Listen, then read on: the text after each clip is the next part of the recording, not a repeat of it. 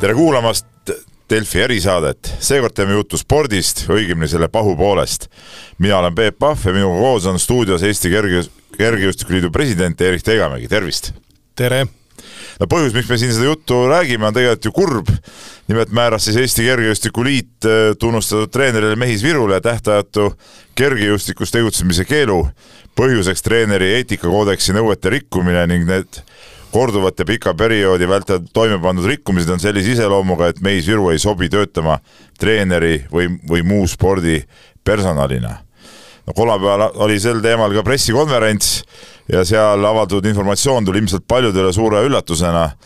et siis Meis Viru süüdistatakse oma sportlaste ahistamises, seda nii vaimselt kui ka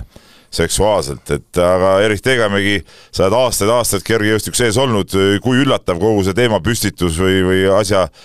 väljatulek sinu enda jaoks oli? no nagu pressikonverentsil ka nii küsiti kui räägiti, siis äh, selge on see, et erinevaid jutte on olnud siin-seal varemgi, aga nagu, nagu nende juttudega on, et äh, seni, kui noh, ametlikku avaldust ei ole või keegi, keegi otsest äh, kuidas öelda, seisukohavõttu ei tee, seni paljuski need jutud jäävad koridori juttude tasemele või siis sellisele staadioni tribüüni juttude tasemele või kuidas seda kutsuda, eks. ja noh, ütleme see, vaatame seda protsessi, eks ju, et kui laekus neli-viis avaldust erinevatelt inimestelt äh, ja kergejõustikuliit sellise teemaga, kui aus olla, esmakordselt kokku puutus üldse sellisel moel, siis eh, ei saanud sellest nagu mööda vaadata ja noh, küsimus pole mitte avalduste arvus, vaid ka, vaid ka nende sisus ja tõsiduses. ja kuna endal meil piisavat pädevust ei ole, meil ei ole selliseid inimesi tööl, kes sellega tegeleks, me oleme ikkagi orienteeritud eh, spordivõistluste korraldamisele ja ja koondiste lähetamisele ja kergejõustiku elu korraldamisele Eestis, siis siis eh, me pöördusime Eesti Antidopingu ja spordieetika sihtasutuse poole, kellel meie hinnangul on nendes küsimustes kõige suurem pädevus. Ja palusime nende abi no ma ei saa öelda, et ainult uurimistoimingute läbiviimisel, vaid ka kogu, kogu selle protsessi nagu kujundamisel, sest, sest neil on, neil on spetsialistid tööl. Ja see kogu see kaasus, nagu me oleme ju tänaseks avaldanud, võttis aega ligi pool aastat või noh, viis kuud ja, ja rohkemgi veel, siis siis äh, selle materjali, mis Eesti EAC siis lühidalt, ehk siis Eesti Antidopingu ja Spordieetika Sihtasutuse töötajad kokku panid, esitati, esitati meie, meie nii-öelda kinnitatud komisjonile, kus siis ka väljaspoolt otseselt alaliitu inimesed on kaasatud, eksperdid, meie hinnangul juristid, äh, spordiga kursis olevad inimesed, aga, aga, aga mitte nagu alaliidu juhatuse liikmed et, et nad vaataksid selle materjali üle ja teeksid selle kohta arvamuse, nad panid arvamuse kokku, esitasid selle juhatusele ja ja nüüd on see otsus nagu sündinud. jaa, ei no see, see kõik on selline noh, asja loogiline käik, mis praegu toimus, aga ikka ma läheks tagasi võib-olla natuke varasemasse aega alustuseks, et et nagu sa ise tunnistasid, et noh, igasuguseid kuulujutte kuluaarides on ju, on ju olnud ja ütleme, kõik, kes Kergejõustikuliidu või vabandust, kergejõustiku juures on olnud,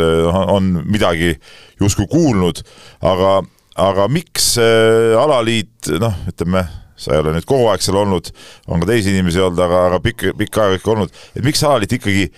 midagi ette ei võtnud või, või ütleme selle kontrollimiseks, okei okay,, sa ütlesid, ühtki avaldust ei olnud, aga et kontrollida, et mis, mis siis tegelikult toimub no,, miks midagi tehtud ei ole? ütleme, et kui me seda teemat vaatame, mis puudutab sporditurvalisust, siis, siis ega vastav reeglistik, kuidas seda teha ja äh, nagu ma ütlen, meil on olemas võistlusreeglid, meil on olemas äh, meistrivõistluste läbiviimise reeglid, ütleme, meil on olemas Rahvusvahelise Kergejõustikuliidu reeglid, aga need kõik puudutavad sporditegevust. spordi aktiivset tegevust, eks ju, ja seda kõike, mis puudutab sporditurvalisust ja sellega seonduvat, tegelikult seda on ka rahvusvaheliselt hakatud nagu nagu kirja panema reeglitesse ja mida teha sel puhul ju viimastel aastatel, nagu ma olen võib-olla mõnel korral juba rõhutanud, mul on siin olnud palju intervjuusid viimasel ajal, seega ma väga ei tea, millisele kanalile ma olen mida mida detailselt öelnud, aga et Rahvusvaheline Kergejõustikuliit äh, te võttis väl-, vastu oma esimese sellise selgelt sporditurvalisust käsitlevat reeglistiku kahe tuhande seitsmeteistkümnendal aastal. Eesti Olümpiakomitee treenerite eetikakoodeks on kinnitatud kaks tuhat üheksateist. Ehk siis mis ma tahan öelda, et et need on olnud need dokumendid, millega noh, millele tuginevad ka praegused protsessid, eks iga alaliit on, ma ei ütle iga alaliit, suuremad alaliidud on siin endale loonud, ma ei ole kindel, et kõik Eesti alaliidud on loonud endale nii-öelda reeglistiku või korra, vastava korra, kuidas neid asju käsitleda. tegelikult, kui ma nüüd noh, seda protsessi vaadates ja nähes, kui koormav ühele alaliidule see protsess on ja, ja ja siis, ja kui palju tuleb kaasata ekspertteadmisi väljaspoolt, kõiki neid palgata pole võimalik, no alaliitudel ei ole sellist ressurssi ja siis ma leian, et tegelikult see võiks nii-öelda lähitulevikus võiks see minna üle Äh, see tegevus tegelikult oli spordi katusorganisatsiooni kätte või spordi katusorganisatsiooni kureerida, Eesti Olümpiakomitee kureerida, nii nagu antidopingualane tegevus on, on täna ja ütleme ka tegelikult mingisugune ekspertiis selles valdkonnas on kuhugi kogunenud, siis see ka see tegevus võiks minna kureerida ja, ja ja oleks see süsteem nagu paigas, sest täna noh, me pidime enda jaoks paljuski, paljuski mingisugused sammud nagu läbi mõtlema mitu korda, sest ei ole, ei olnud reeglistikku no jaa, üks asi on reeglistik, eh, mis on niisugune ikka bürokraatiline pool, aga aga teine pool on ikka niisugune nagu inimlik eh, tunnetus ka, et, et eh, noh, võtame siin kas või see noh, meenutame Mirjam Liimaski, praeguse Mirjam Leismetsa kunagist intervjuud, mis oli siin ka Päevalehele antud, ma ei mäleta, kaks tuhat kuus või kaks tuhat seitse juba, ja, ja on ka hilisemalt siin välja tulnud, et et lihtsalt selle tunnetuse pealt, et kutsuda kas või siis treener välja ja vestelda ja vestelda ka siis nende sportlastega, et mis see, mis see tegelik on, et siin ei, selleks ei ole mingit reeglistikku vaja tegelikult. Äh, no vaata, sellega on see seis ka, et kui kellegi peale näpuga näidata, siis plekk jääb külge ja kui kellelegi näidata põhjuseta, siis seda plekki, siis see plekk on asjatu, ütleme siis niimoodi võib-olla ehk siis ma sellepärast ütlengi, et ega, ega igasugusel süüdistusel peab tegelikult olema reeglid, et noh, äh, meil ei ole, kuidas ma ütlen, mingi kauboi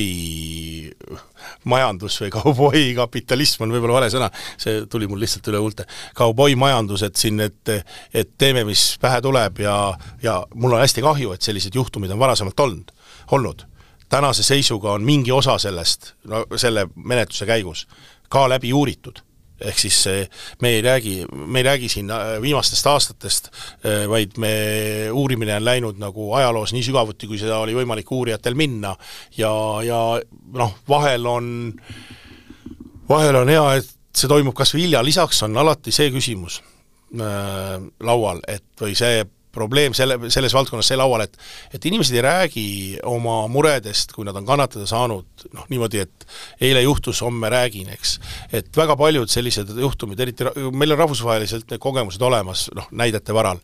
et tulevad äh, päevakorda seitse-kaheksa aastat hiljem, inimestel on häbi, nendel on kartus, kuidas ühiskond selle vastu võtab ja noh, kui me siin oleme meediakanali eetriruumis, siis nendel on ka kartus, kuidas meedia käitub selle, nendega. kuidas hakkab jaht nende ütluste peale, nad ei ole kogenud meediaga suhtlemisel sellistes valdkondades, sest jutt käib väga isiklikest teemadest. ja noh, igaüks meist võib ju teinekord mõelda, et millist isiklikku valdkonda me tegelikult avada soovime oma elust, ütleme siis niimoodi, ja võib-olla mõned tahavad ka seda kustutada oma mälust. Nojaa, aga see, võtame sama Liimaski intervjuu kunagi, see seal oli selgelt äh, nagu välja toodud need äh, perekond Virude see metoodika ja, ja tegutsemise nii-öelda miinuspooled, et et kui selle, selle taustal nüüd korra vaadata või mõtelda, et kui palju äh, alaliit üldse kas siis hoiab silma peal sellel Äh, mismoodi treenerid äh, tegutsevad. et, et kas, kas see, mis treeninggruppides toimub, on,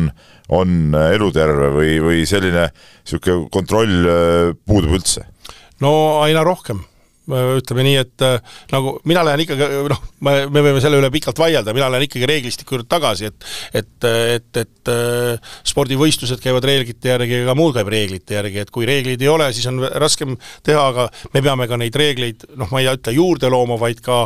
arendama, aga lisaks reeglitele, ega me,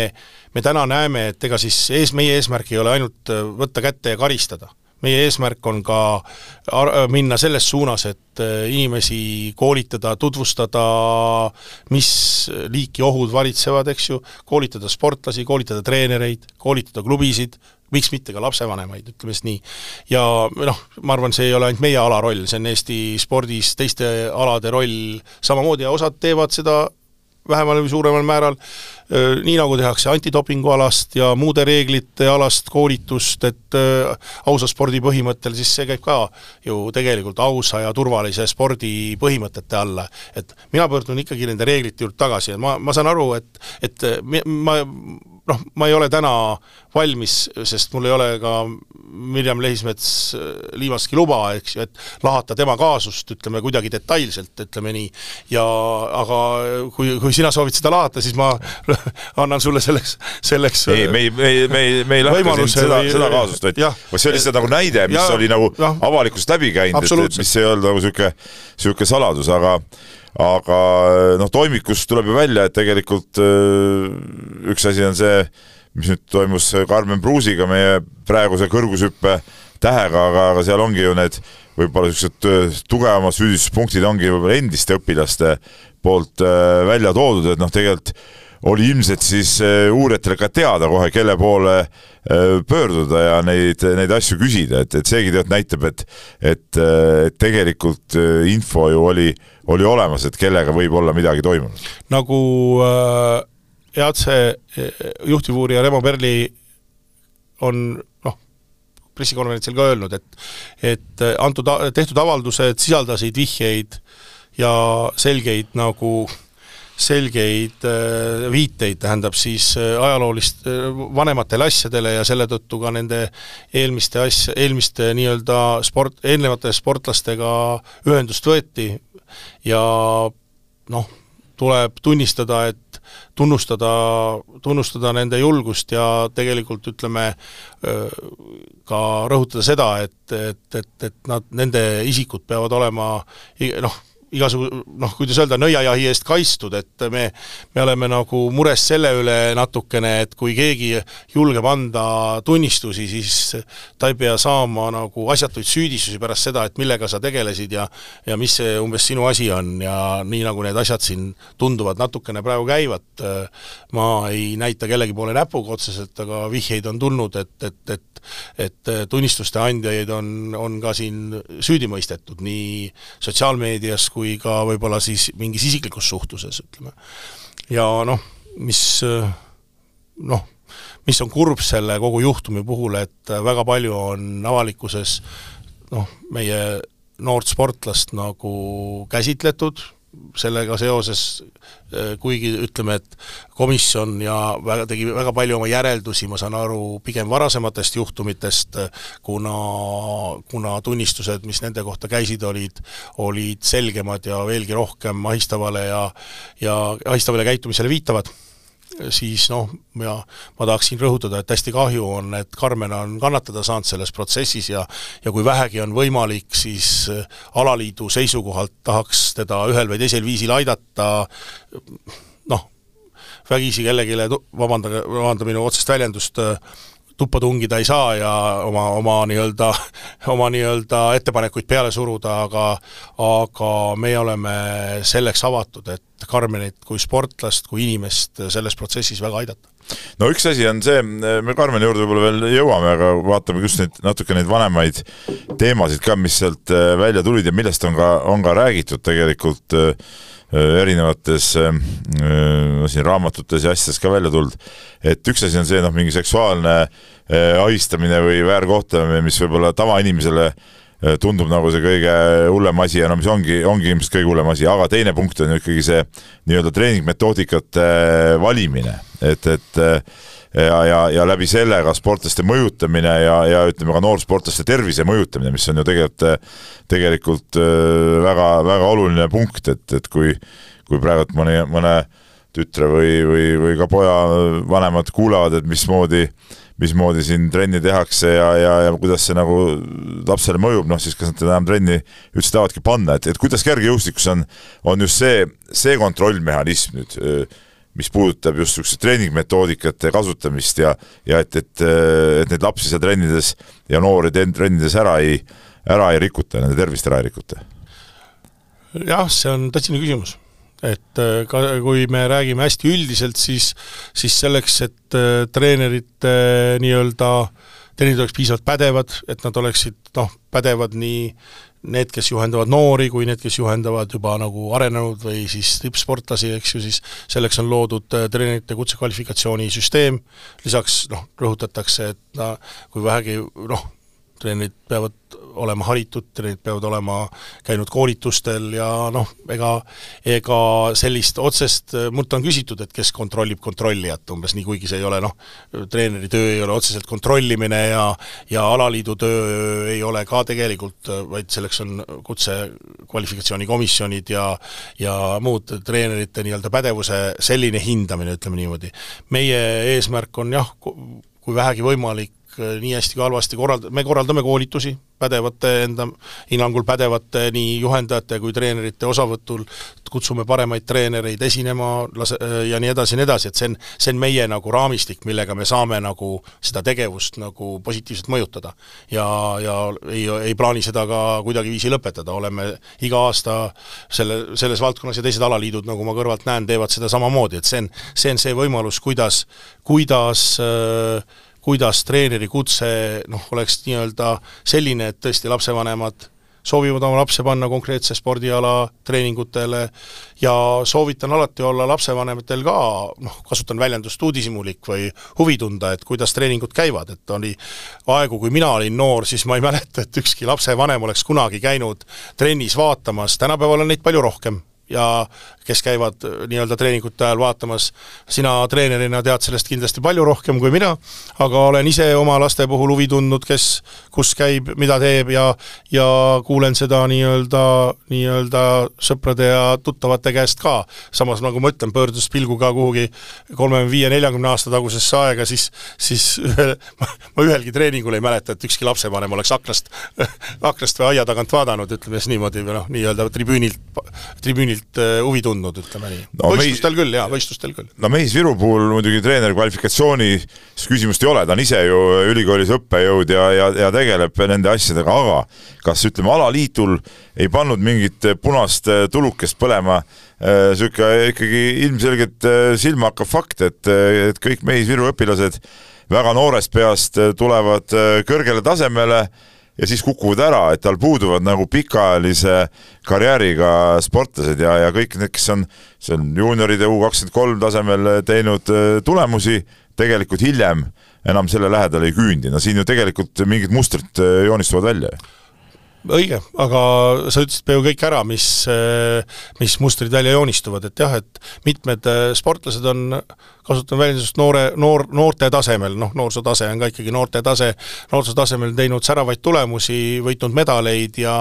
ja kahjuks mõni aasta hiljem ei ole nende tulemused enam samaväärsed olnud ning mõni aasta hiljem pärast seda me enam neid ei ole spordiareenil ka kohanud, nii et see, see muster joonistub välja, jah et äh, aga, aga siin ongi see küsimus, et et äh, just enne seda sa mainisid, et äh, treener Mehis Viru on kõrge kvalifikatsiooniga treener, mis vastab tõele, on õppejõud, ise koolitab treenereid ja, ja noh, ei ole, ei olegi nagu lihtne leida seda metoodikat hindama kedagi ütleme, ühegi ala piires väikses riigis, et kas see on, milline see metoodika on õige või milline metoodika ei ole õige, ütleme siis niimoodi. aga noh, praktiline tulemus on selline, samas võib ju väita, alati tuua näiteid, et aga too ja too sportlane lõpetas ka varast- va,, varasemalt spordi ära, kui võib-olla ootus oli ja noh, et, et äh, siin on neid reegleid äh, selle põhjal tunduvalt raskem seada, kui, kui konkreetne sportlane ütleb, et see ja see treeningmetoodika või treeni-, need harjutused mõjusid talle raskelt, toome siis korra selle, mis on ilmunud, ilmunud ajakirjanduses, ma nüüd üks päev lugesin ka veel kord üle, üle mõningad, mõningad mõtted, mis sinu poolt juba mainitud Mirjam ühes artiklis oli, et kui ta tegi kahesaja kümne kilose kangiga kükke, äkki oli selline number välja toodud ja ja hiljem mõtles selle peale, et mis sa millega ma hakkama sain, et, et et noh, nii-öelda parafraseerides teda, siis see tund-, noh, mina ei ole seda hindama õige. aga sellele võiks küll mõni spetsialist, kes on samaväärsete teadmistega, eh, hinnangu anda, et kas selle ala, selle spordiala, antud juhul siis tema oli, tema oli tõkkejooksja, sprinter, selle ala arenguks on sellised eh, raskused sellises eas vajalikud. et mida, mida see nagu toetab selle ala arengus või mida see, mida see, mida see aitab või ka, ja kas see aitab? No lähme nüüd äh, siit äh, selle protsessi algat-, äh, käivitanud Karmen Pruusi ja, ja Mehis Viru siis ütleme, niisuguse omavahelise läbisaamise või suhtluse teema juurde, et paljudel on jäänud praegu mulje kõrvalt vaadates, et et kui me kergejõustiku, ütleme Läti kergejõustikukoondise inimesed poleks kõrvalt äh, seda näinud ja märgukirja Eesti Kergejõustiku Liidule selle kohta teinud, et siis, siis ei oleks ka neid teisi äh, teisi avaldusi ja kirju võib-olla hakatud küsima ja, ja, ja, ja polekski midagi toimunud? no ma ühe asja tahan kindlasti ära selgitada, et ühtegi avaldust ega kirja ei ole kellelgi hakatud küsima. tegelikult tulid need signaalid kui nii-öelda ühelt, teiselt ja kolmandalt poolt noh, suhteliselt üheaegselt, sest see võistlus toimus ju kõigi jaoks ühel ja samal ajal see kaalivõistlus, see ei toimunud nii, et ühe jaoks varem või teise jaoks hiljem, ütleme siis niimoodi. ja, ja tulid äh, signaalid nii meie treeneri poolt kui telefonikõne Lätist, äh, noh,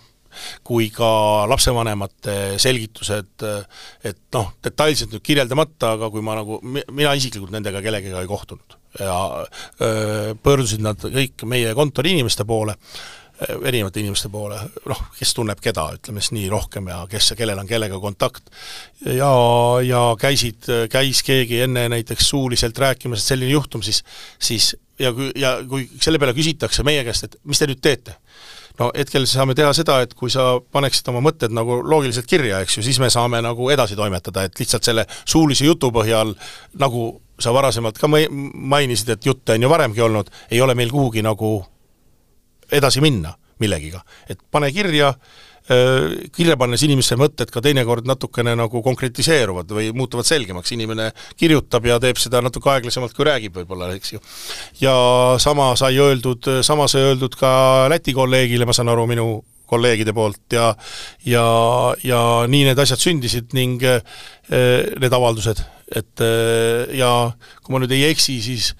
üks neist avaldustest äh, oli vist vähe hilisem, ühe, ühe proua avaldus, kes oli sellel võistlusel, viibis nii-öelda vaatajana, pealtvaatajana,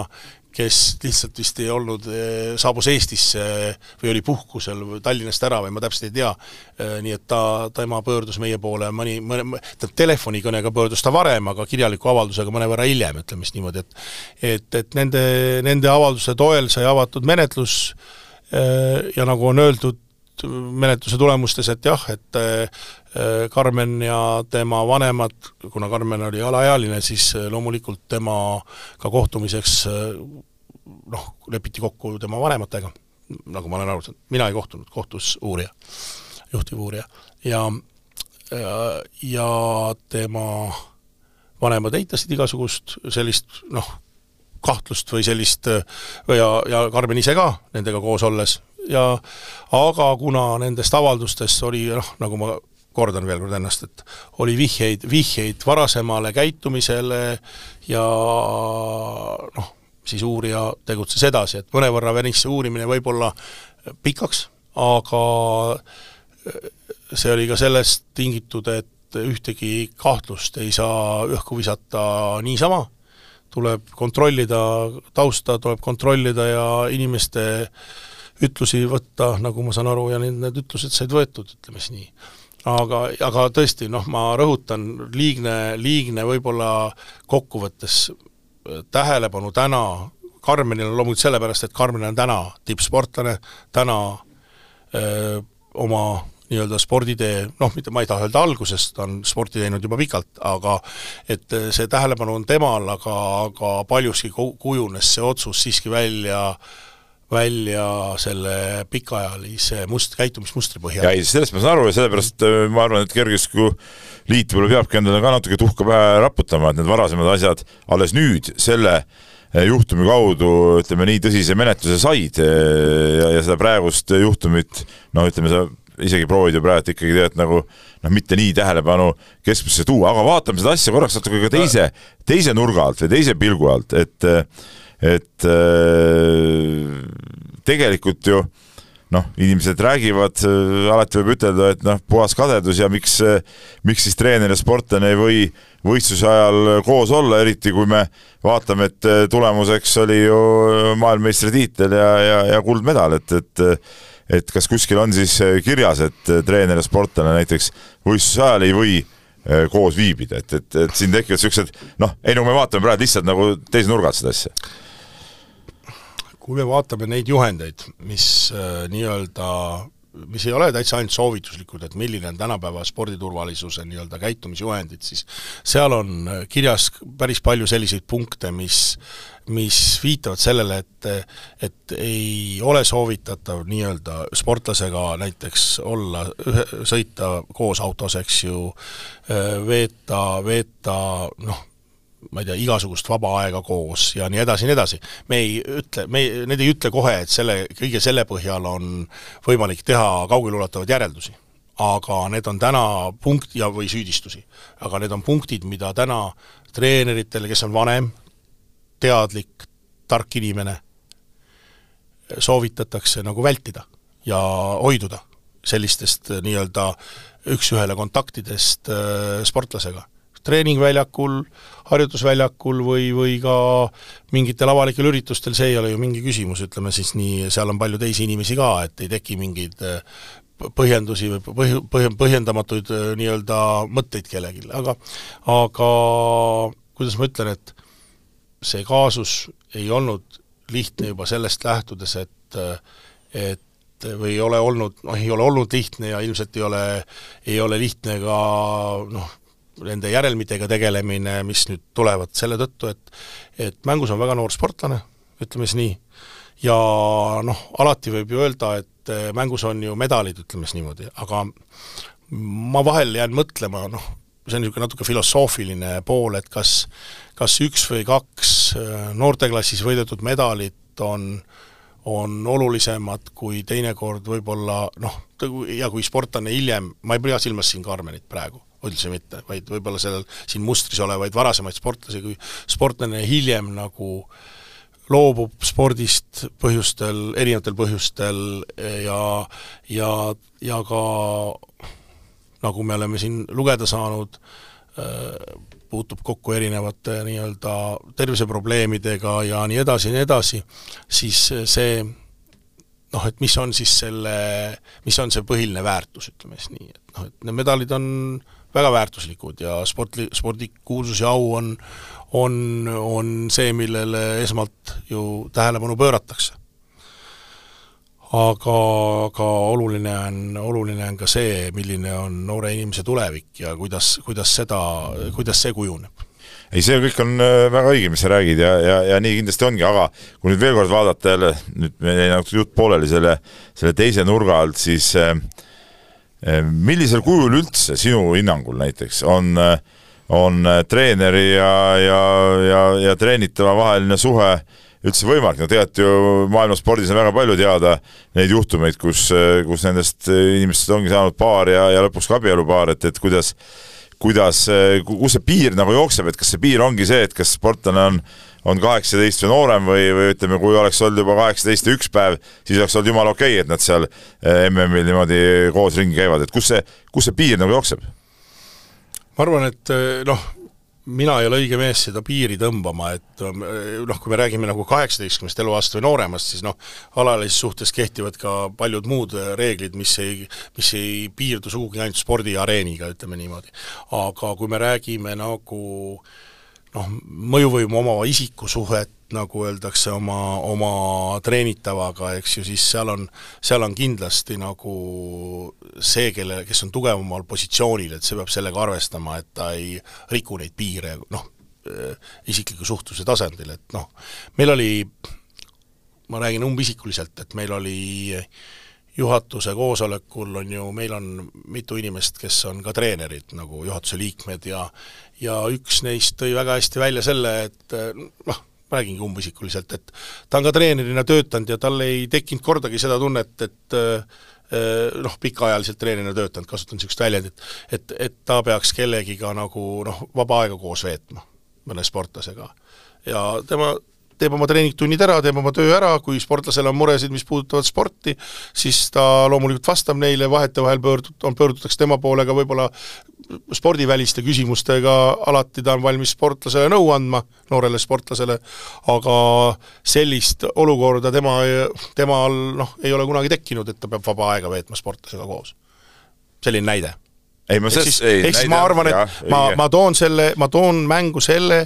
väl-, väite enda poolt, et see, kes on nii-öelda jõu, jõupositsioon on vale väide, vale sõna, aga kes on nii-öelda äh, tugevamal positsioonil, ehk targem, vanem äh,, nii-öelda juhendaja, tema peab oskama endale selle piiri selliselt luua, et ta ei, ta ei riku nii kehtivaid kirjutatud, aga teatud ka kirjutamata norme. Kas sa tahad ütelda siis, et kõik treenerid, kes on äh, asunud suhtesse oma õpilastega ja ja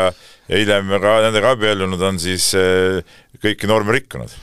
mina seda öelda ei taha, selge on see, et kui inimesed puutuvad kokku, siis e, mina ei ole, ma arvan, et sa pead pöörduma mõne äh, sellise psühholoogi poole, kes oskab sulle öelda, millest inimestevaheline säde, me jõudsime siin selleni välja, et inimesed abielluvad, eks ju, ja paratamatult inimesed tutvuvad,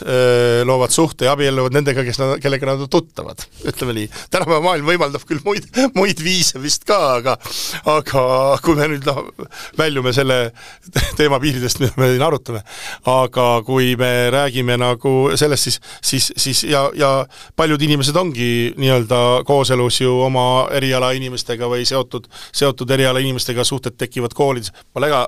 väga laia, laialdasin seda teemat, eks ju. aga, ja mina ei hakka ette heitma kellelegi, kes on, kes on oma, oma nii-öelda noh, abielu ja kooselu loonud, loonud sellelt pinnalt võib-olla, aga, aga noh, kuidagi need reeglid või need käitumisjuhendid on kuidagi paigas, eks ju, me, me täna ei räägi siin juhtumist, kus äh, sportlane ja treener on jõudnud koosellu ja abiellunud või noh, ütleme, see, millest meie jutt alguse sai, me räägime täna juhtumist, kus kus mitmed sportlased on kurtnud äh, või tunnistanud, tunnistanud äh, ebaväärikat käitumist ja lähenemist ja see see, see selgelt nagu eristub neist võib-olla juhtumitest, kus, kus on tegu äh, tutvuse, suhte, armastuse ja abieluga. jaa, ei ma lihtsalt, äh, miks ma selle näite tõin, oligi selleks, et näidata, et tegelikult see, see piirikoht on seal suhteliselt niisugune äh, nii ja naa, eks ole, aga, aga ütleme jah, selles loos äh, kõik on nagu selles suhtes arusaadav, aga äh, eile õhtul, me räägime seda juttu praegu äh, reedel, neljapäeva õhtul tuli siis Mehis Viru äh, endiste ja ka praeguste õpilaste eh, toetusavaldus, eh, kus, kus väidetakse, et et ei ole, ei ole nemad kunagi näinud, et, et Mehis-Viru oleks eh, midagi valesti teinud või, või valesti käitunud ja nõutakse uue ja, ja, ja õiglase uurimise, uurimise algatamist, et mis, mis vastus Kergejõustikuliidul sellele avaldusele on ja, ja kas alustate uut uurimist? otseselt meie poole, meile pole seda avaldust saadud. no see tuli läbi meedia, see on, no jaa, aga no, no sa saad aru, jah. ma lihtsalt igaks juhuks ütlen ära, et et, et, et ja noh äh,, aga noh, tunnustan neid inimesi, kes oma isikliku arvamuse välja ütlesid, sellele on meil kõigil õigust. ja nagu ma olen äh, minu meelest ka pressikonverentsil öelnud, kui küsiti meie otsuse, juhatuse otsuse äh, edasikaebamise kohta, siis ma arvan, et äh, iga otsus vähemalt esialgne, esimene otsus peab Eesti Vabariigis, mida mina pean õigusriigiks, olema võimalik edasi kaevata, ma võtan selle kõigepealt kokku. nüüd, kui me räägime endiste sportlaste, paljude endiste sportlaste nagu seal oli toodud. nimekiri oli päris pikk tegelikult. ja, ja, ja ei äh,, ei saa välistada, et seal treeninggruppides on olnud kümneid, kui mitte sadu sportlasi. kindlasti nad ise teavad paremini, nii sportlased kui ka treenerid. ja siis, siis äh, kuidas ma seda niimoodi kokku võtaks, et ühesõnaga, ma võtaks selle kokku sellisena, et, et kusagil selles uurimuses ei täheldata, et need on olnud massijuhtumid. ehk siis jutt on olnud personaalselt treenitavatest sportlastest, kelle puhul on olnud väga otsene, isiklik ja manipuleeriv lähenemine seda, ma arvan, ei saagi viia läbi ma ei tea, mitmekümne või kümne või ma ei tea, mitmeliikmelise treeninggrupi peal, tähendab, võimalik, et saab, aga aga sellist asja ei ole siin meil praegu uuritud. aga ja, ja, ja iseenesest on hea meel, et, et, et ei ole, et ei ole sellist, sellist nagu juhtumit, vaid aga kui me võtame konkreetse uurimise, siis need on, need on mõnevõrra kaks erinevat asja. üks asi on noh, nagu aja, suured treeninggrupid, aga uurimine kon-, tõi välja, kontsentreerus ja ja need ja nii-öelda andis oma otsuse nende treening juhtumite puhul, kui on olnud tegu individuaalse otsese treenimisega, individuaalse suhtlemisega, treener, sportlane, üks-ühele treenimisega. no seal on väga konkreetsed ju kirjeldused tegelikult, et seal sellele tegelikult vastu vaielda eh, ei saagi lihtsalt eh,, aga kui niisugune kiri või avaldus tuli, siis siis tuli see teema ka läbi võtta, aga nüüd üks asi veel, mis on võib-olla mm, natuke minu arust isegi liiga vähe saanud eh, kajastust või jäänud kuidagi nagu ikkagi varju, on siis eh, Mehis Viru töötas alati töötab alati koos abikaasa Kersti Viruga, kes on ka kergejõustikutreener ja, ja sealt, sealt sellest äh, eile avaldatud äh, kokkuvõttest tuleb ka välja, et seal pakutakse välja, et võib-olla tuleks äh, algatada ka tema vastu uurimine, et ta võis neid asju nagu teada. et milline on nüüd Kergejõustikuliidu seisukoht ja samas,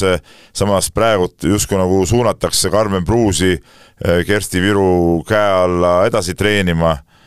siin on nagu väike vastuolu sees. Äh, distsiplinaarkomisjon äh, oma otsuses, mis, mida ta palus juhatuses kinnitada, esitas kaks tingimuslikku asjaolu. Need ei olnud ettepanekud juhatusele kinnitamiseks, need olid tingimuslik asjaolu, üks puudutas Tartu Ülikooli. Ma räägin ikkagi kahjuks mõlemad ära, kuna need oli, neid oli kaks tükki, kohe jõuan ka selle viimase Kersti Virut puudutava punkti juurde. Tartu Ülikooli koha pealt juhatus arutas põgusalt, aga noh, ütleme tegelikult Tartu Ülikooli suhtes meie ei ole organisatsioon, ei kergesti juhatus ega kergesti ise, kes Tartu Ülikoolile mingit tüüpi selliseid ettepanekuid saaks teha, leidsime, et kui Tartu Ülikool soovib midagi ette võtta, siis ta äh, ma, me oletasime, et noh, meediasse see asi jõuab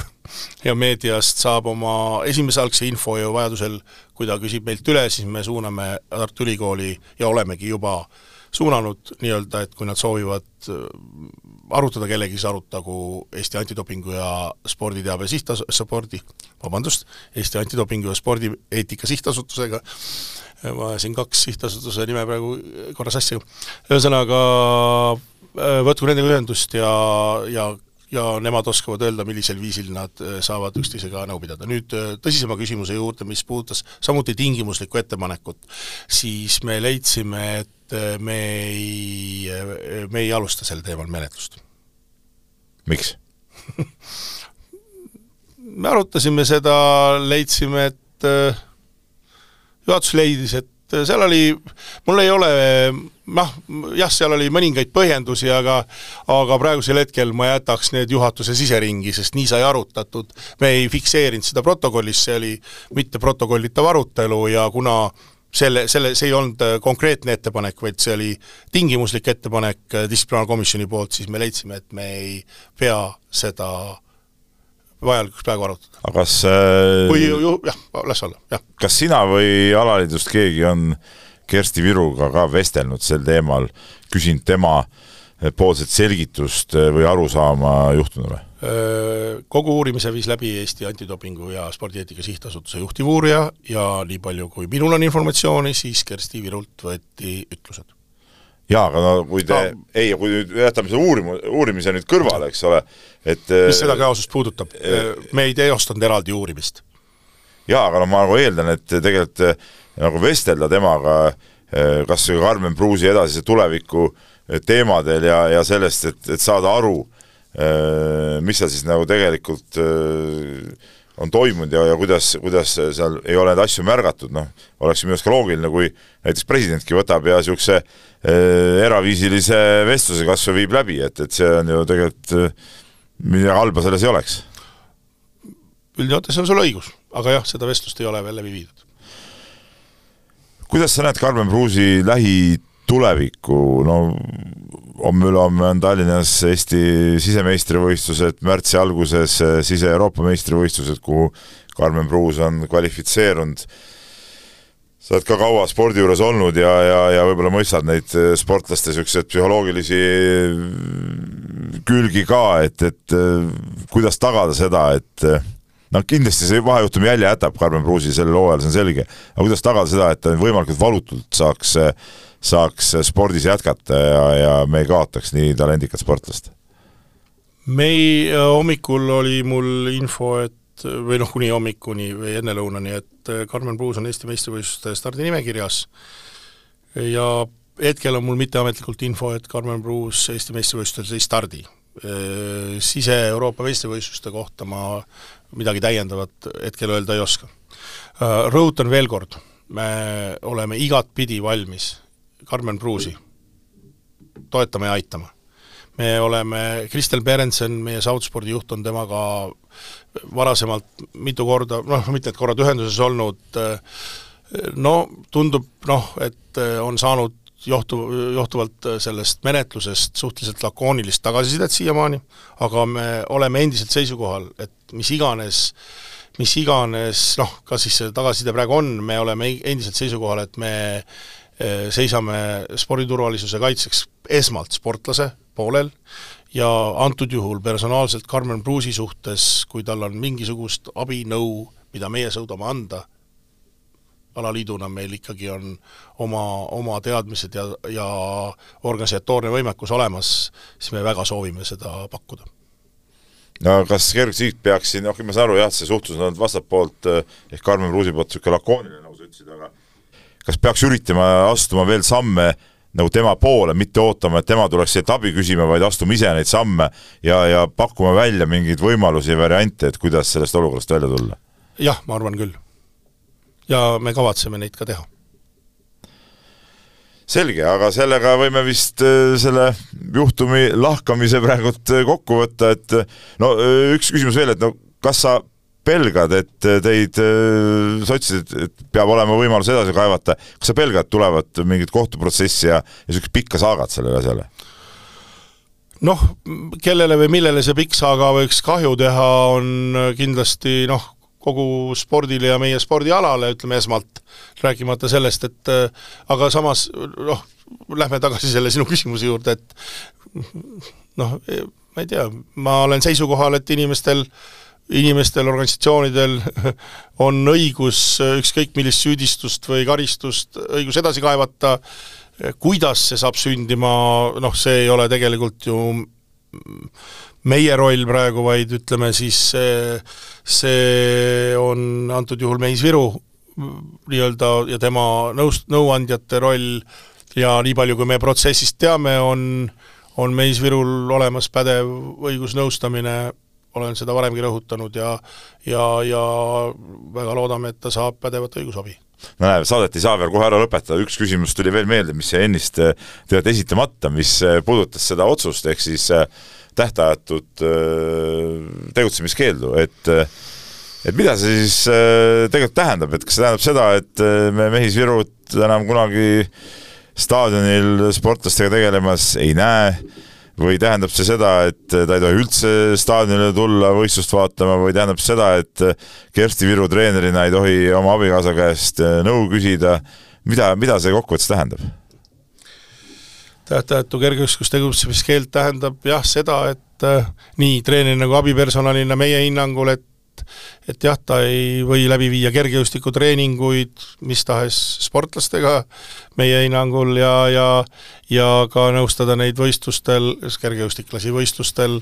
või muudel, muudel eh, noh, nii-öelda ma ei tea, kasutan sõna üritustel, on ka mingisuguseid muid üritusi vahetevahel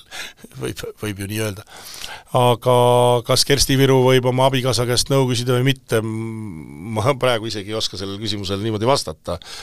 ja kui ta seda teeb personaalselt eh, nelja silma all, siis, siis on seda ka väga raske kontrollida, nagu nagu ma, me oleme kokkuvõttes ka ütlenud, et kuidas me nagu reguleerime seda, noh, ma ka lähen korra sinna valdkonda ka, siis meil täna on üsna palju äh, reegleid tegelikult veel kirjutamata selles osas, sest nagu see tee on, ma ei mitte, ma ei pea silmas Meis Virut praegu, vaid üldse selles valdkonnas on suhteliselt, äh, suhteliselt alguses äh, enamustel spordiorganisatsioonis Eesti, spordiorganisatsioonidel Eestis ei ole, ei ole vastavaid regulatsioone, mis mis edasi saab. nii et äh, selles osas me praegu noh, kusagil on keegi, kes praegu juba neid kirjutab, aga see ei ole, see ei ole ühe päeva töö. jah, ja, ja, aga, aga minnes tagasi veel kord sinu küsimuse juurde, ütleme siis nii, eks, et, et tähtajatu tegutsemise keelu koha pealt, eks ju, siis, siis äh, tähtajatu on tähtajatu, ehk siis äh, kuidas seda, et ta ei ole eluaegne. see, selle sõnastuse üle käis meil diskussioon ja me oleme seisukohal, et me, me sõnastame selle selliselt ehk see jätab äh, teatud võimalused äh, ikkagi, ikkagi lahti. ja, ja mis, miks see küsimus nagu oligi mõeldud, et, et teha võib-olla selgeks ka seda, et et see Äh, see keeld, et seda ei saa nagu võrrelda nagu nii-öelda nagu dopingujuhtumite eest antud keeluga, kus on siis noh, ütleme, kui kui sportlane läheb äh, dopingureegleid rikkunud treeneri juurde, noh siis saab see sportlane kohe karistada, aga praegult oleks noh, ei ole ühtki alust ilmselt karistada, kui näiteks selgub, et keegi sportlane läks Mehis Viru juurde ja küsis ta käest nõu ja Mehis Viru andiski nõu või, või kui me läheme staadionile, näeme, et Mehis Viru käe all seal keegi teeb trenni, noh siis seda sportlast ju tegelikult reaalselt karistada ilmselt ei saa minule teadaolevalt sellist regulatsiooni ei ole jah, nagu sa kirjeldasid. et See..., et, et saaks karistada kedagi. Selge, aga veel kord suur tänu, Erich, tulemast, asju selgitamast, ma usun, et äh, üht-teist sai selgemaks, aga ma usun ka seda, et äh, et see teema ja, ja see protsess äh, läheb veel edasi. aitäh, Peep!